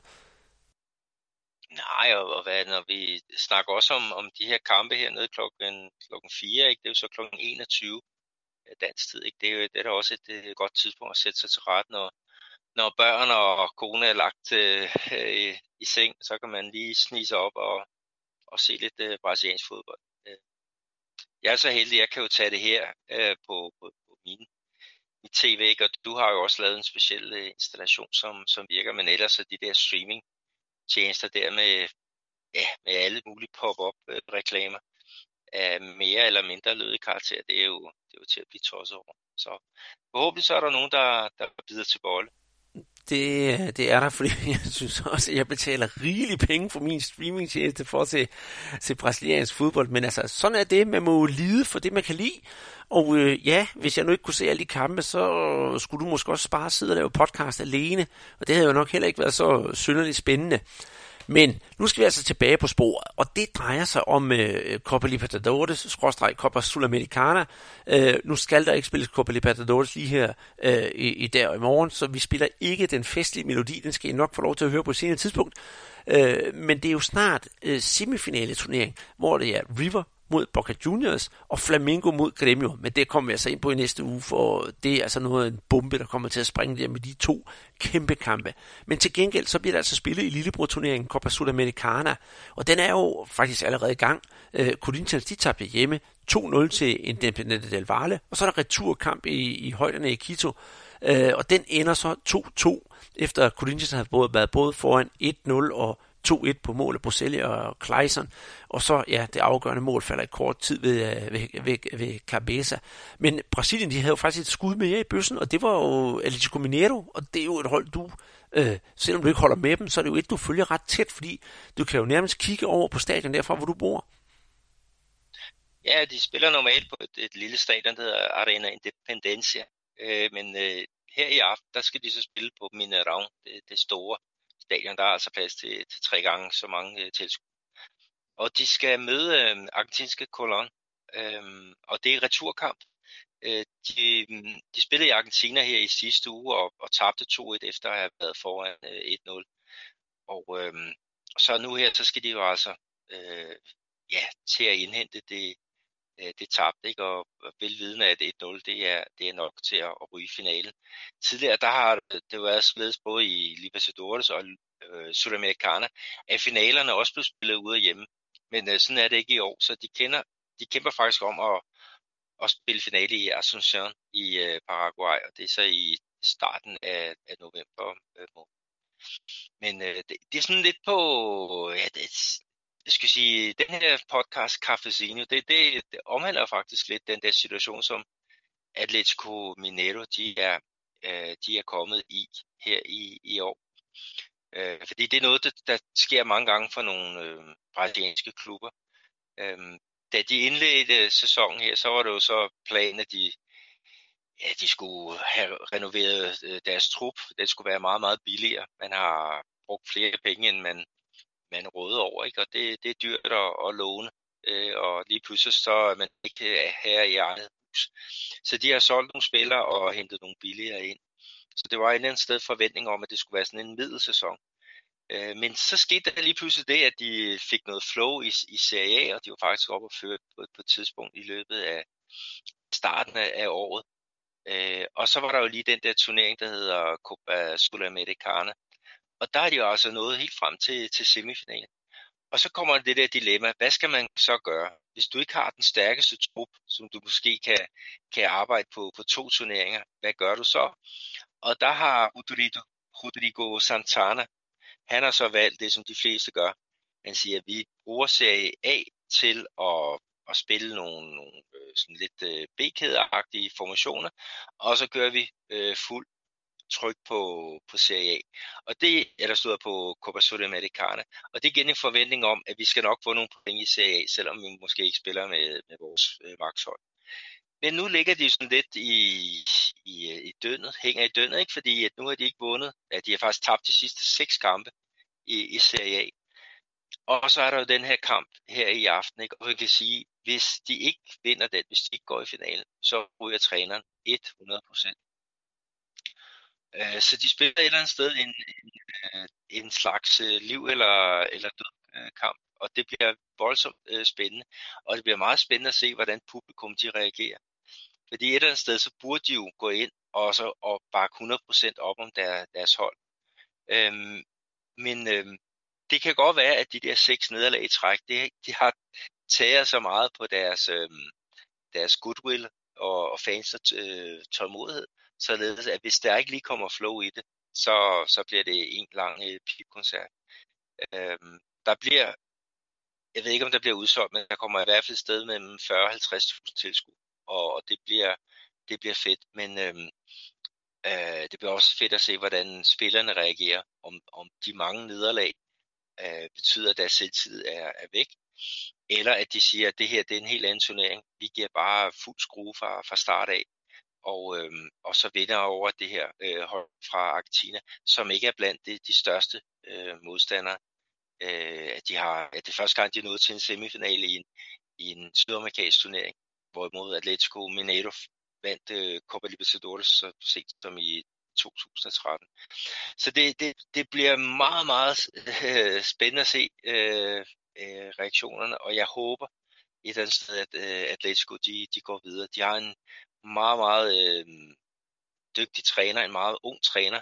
Han har selv udtalt, at han er faktisk ikke øh, klædt på til, til stillingen øh, her nu, men han var en midlertidig træner. Han var U20-træner, som fik chancen, da, øhm, øh, da de fyrede Livia Kulbi. Og resultaterne kom i, ind i kassen, og alle var, var så glade, så han blev gjort til permanent træner i hvert fald året ud. Og så lige pludselig så ryger de ind i det der, det der nedsug. Øh, fodbolden svinger meget i, i Brasilien, ikke? og Atletico Mineiro og den her sæson er et, et, øh, meget godt eksempel på, på det. Og også, ja, man kan jo, man kan jo godt finde frem til hvad, nogle af forklaringerne øh, på, på de her svingninger. Så jeg, jeg, jeg, jeg håber, at jeg kan lave et, et happy tweet her senere i, i aften, der omkring øh, midnatstid, brasiliansk tid, klokken 5 om morgenen øh, dansk tid. Så kryds fingre for Atletico, Andreas, og jeg håber også, at I andre I kan gøre det med tilbagevirkende kraft. Jamen, øh, det gør jeg da bestemt, og det kan da være, at jeg måske lige kan snige mig til at se lidt af første halvleg, inden jeg går i seng. Det passer meget godt med, at, at nogle gange, hvis det bliver sent, når jeg sidder og redigerer, så kan jeg sidde og, have en, uh, sidde og følge med i en kamp, så man uh, kommer i det rigtige humør. Men ja, det er, det er desværre sent, når man skal, når man skal tidligt op om morgenen. Jeg møder for eksempel klokken 7, så nogle gange så er jeg sgu altså lidt træt, når jeg kommer på arbejde. Men uh, lad det nu ligge, for vi skal også kigge lidt på, uh, på, på den næstbedste brasilianske række, her? Fordi du har jo sådan øh, snuset lidt rundt i, øh, i, i de nedre regioner, hvis jeg må sige det på den måde, og fundet ud af, at der altså sker noget hul om hej mellem klubben Figurense og firmaet Elefant, og det er derfor, jeg i optakten sagde, at de havde jo elefant store problemer, for ja, hvad er det lige præcis, der sker? Noget med en, øh, øh med en hvad hedder det, sponsorkontrakt, der bliver revet i stykker, og de havde skrevet under på ret så mange år. Ja, det er rigtigt, at øh, uh, Figueirense, de, de har jo store ambitioner i den klub, og det går ikke specielt godt for den. Så her for et par år siden, så lavede de en, en aftale med et firma, der hed Elephant, som øhm, dermed havde rådighed over det professionelle hold, altså hele den professionelle afdeling faktisk. Øhm, og her øh, to år efter, ikke, så er den jo blevet revet i stykker, den her aftale. Øhm, der har simpelthen været, været problemer med, med økonomi. Det var der også før. Men, men øh, det her firma, de har altså ikke op, Øh, opfyldt deres øh, forpligtelser. Øh, det har været en, en rådbutik. Altså, jeg har haft tre forskellige præsidenter i løbet af, af to år. Øh, de har ikke haft penge til at, at, at betale mad og transport til, til deres, deres ungdomsafdeling. Øh, noget af det, som er meget vigtigt i Brasilien, sådan noget som sundhedsforsikring, det har de også øh, fået, fået det har de også droppet grund af manglende penge. Og nogle af deres samarbejdspartnere, de har simpelthen forladt skuden, fordi de ikke har fået penge. Og det, det er folk, som, øh, som ja, vasker tøj og øh, hjælper til om, om øh, catering og hvad der ellers er ved sådan en, en professionel klub. Så, så alle de, de har simpelthen vendt øh, ryggen til den her øh, klub i øh, Florianopolis, nede i det sydlige øh, Brasilien. Øh, og resultaterne, det er jo også, at de har udblevet for en kamp i Serie B. Det var sådan en walk-over. Øh, deres U23-hold øh, var også med i en turnering. Der var også en walk-over. Og i deres øh, øh, den næstbedste række, der ligger de altså i, i bunden, øh, dog med et point op til, til overlevelse. Og der kommer vi så igen på det der, øh, det der øh, show der med, med øh, vi kan se, at mange af de store klubber, de bliver rigere og rigere og rigere, ikke? og til gengæld, så er der bare en masse klubber, der bliver efterladt i et, et moras. Og det var blandt andet Guardiola, det tog han jo op i forbindelse med, med en kamp øh, over i, i, i England. Altså, hvordan pokker kan vi sikre, at, øh, at øh, fodbold ikke bare bliver en eksklusiv elite på, på 20 hold, og så resten, de må øh, de bliver efterladt i økonomisk, øh, et økonomisk moras. Ikke? Og så kan vi så spørge igen der med, øh, med de her øh, Elephant kontra Figueirense. Øh, det var faktisk således, at, at der var så stor konflikt mellem de to øh, parter, at øh, Elephant de havde sendt besked til øh, CBF, altså fodboldforbundet, om at klubben trækker sig fra, fra Serie B. Øhm, men nu er der så kommet, øh, hvad skal vi kalde det, en ny ejer igen, ikke? og øh, heldigvis så er fodboldforbundet, de har så valgt at underkende den her øh, mail fra, fra Elephant. Så Figadense, de, de lever faktisk endnu i, i Serie B. Og reaktionen fra fansene, den var faktisk øh, rimelig øh, livsbekræftende. De spillede i tirsdags, øh, og der var der altså 14.000 mennesker, der, der dukkede op på, på stadion. Og selvom de tabte 3-0 til førholdet Bragantino, så var der altså en, en fan-gruppe, øh, øh, som, som sang simpelthen fra første minut til det sidste. Og, og de viste så meget opbakning og kærlighed til, til klubben og til, til holdet. Så, så det, noget tyder på, at det i hvert fald der er en eller anden øh, øh, fremtid. Ikke? Men, men vi har jo set der også i engelsk fodbold og nogle andre ligaer, ikke? Øh, italienske ligaer, hvor, hvordan økonomien bare sejler. Øh, og, og selvom hold bliver tvangsnedrykket og, og skal spille i en, en lavere øh, øh, række, så, så står fansene sammen og er med til at bygge holdet øh, op igen. Og det håber jeg, der sted også skal ske her med Figueirense. Øh, de skal nok bryde ned i den tredje bedste række, men forhåbentlig kan de få så meget styr på, på, på det hele, så det, at de kan komme op igen. Figueirense har historie i, i Serie A. Ikke den aller, aller flotteste historie, men, men øh, det, det er en af de store klubber i, i det sydlige Brasilien, i Santa Catarina. De ligger og, og, og kæmper om magt øh, herdømme i, med Havaí, som jo ligger i den, den bedste brasilianske række nu. Men øh, øh, hvis vi skal krydse fingre øh, for nogen, så udover Atletico Mineiro, Andreas, så skal vi også krydse fingre for Figueirense. Ja, for det er jo et gammelt tophold, og det er jo også et, vi har snakket om i flere gange i podcasten, at de rent faktisk var med i den, i den bedste række, men det er jo efterhånden et, øh, et, et par år siden. Og et par år siden, Peter, det er jo også, at den gode, gamle, den ægte Ronaldo, han blev født, fordi han øh, rundede faktisk i 43 år her i, øh, i, den, i den forgangne uge, og, og ved du hvad, det var jeg egentlig lidt imponeret over, fordi jeg husker stadigvæk Ronaldo som den der 17-årige knæk med lidt krøllet hår og, de der, øh, og den store tandbøjle, som bare gerne ville spille fodbold til, til VM i 94. Og så er der selvfølgelig alt det efterfølgende, som, som man husker tilbage på. En legende over Malle. Og hvis jeg skal lave sådan et, øh, en, en, en all-time øh, Øh, nier-liste over den perfekte nier, så, så vil han i hvert fald øh, dukke rimelig hurtigt op af hatten. Det kan vi roligt sige. Ja, det er måske den, øh, den bedste nier, som, som verden har set. Øh, øh, forrygende med hans, hans fart og hans, hans driblinger. Altså, han kunne nærmest sætte et, et, helt, øh, et helt hold. Øh, og, og, var faktisk med til at vinde to øh, verdensmesterskaber til, til Brasilien. Altså det første, som, som den der 17-årige knægt med, med tandbøjle, der sad på, på bænken, mens øh, Romario og Bebeto de afgjorde det på, på banen.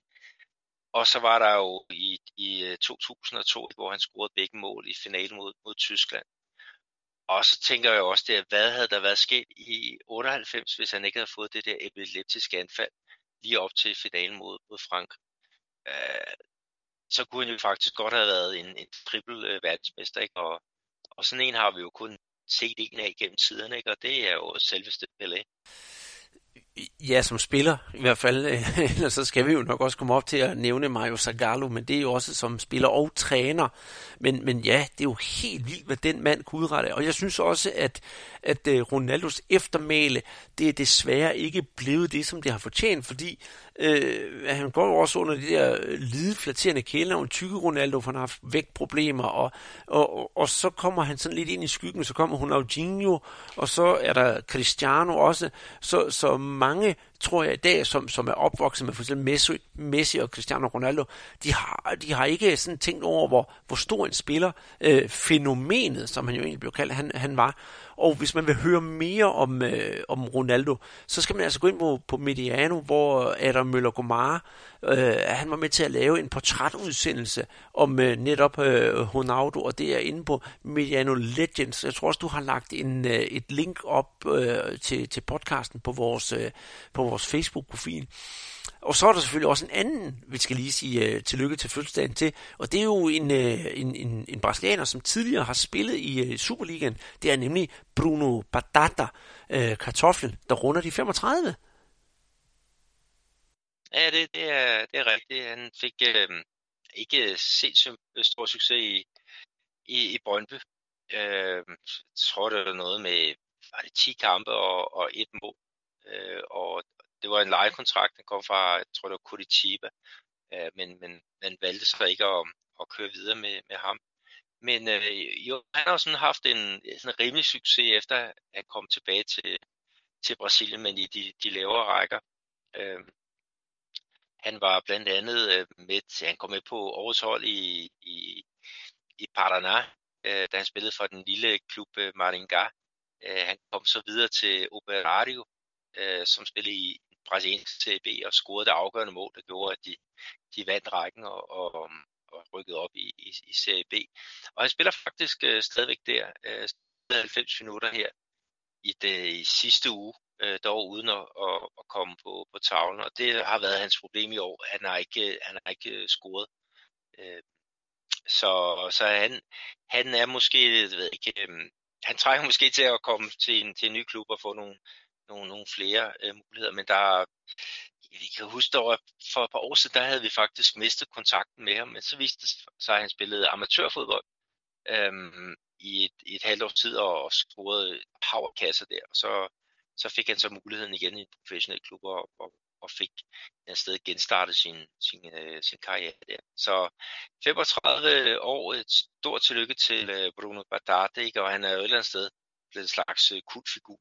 Øhm, og det bliver man nogle gange ikke kun for det gode, men også for det dårlige, og, og hans tid i Brøndby var, var absolut øh, ikke, hvad man havde håbet. Nej, men hvor alting er, han er så stadigvæk i, i, i live og i vild vi gør, trods sin 35 år. Det er fantastisk, at han stadigvæk øh, spiller fodbold. Og med det, Peter, så har vi jo næsten rundet alt, hvad vi skal i den her podcast. Jeg tror til at starte med, det sagde jeg, den næste times tid. øh, jeg kan se tælleren på, øh, på mit optageapparat her.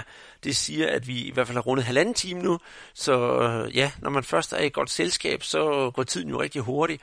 Men vi kan jo ikke lukke ned uden af at, øh, uden af at have den quiz, som vi lovede til at, til at starte med. Og øh, ja, for lige rundt op igen, vi har et eksemplar af bogen Fodboldsvindleren, samt, øh, ja, Vasco-trøjen, Peter. Den skal vi jo, den, den skal vi jo næsten ja, ja, beholde, men altså, vi bliver nødt til at komme af med den, og den er så været venligt doneret af MM Sport.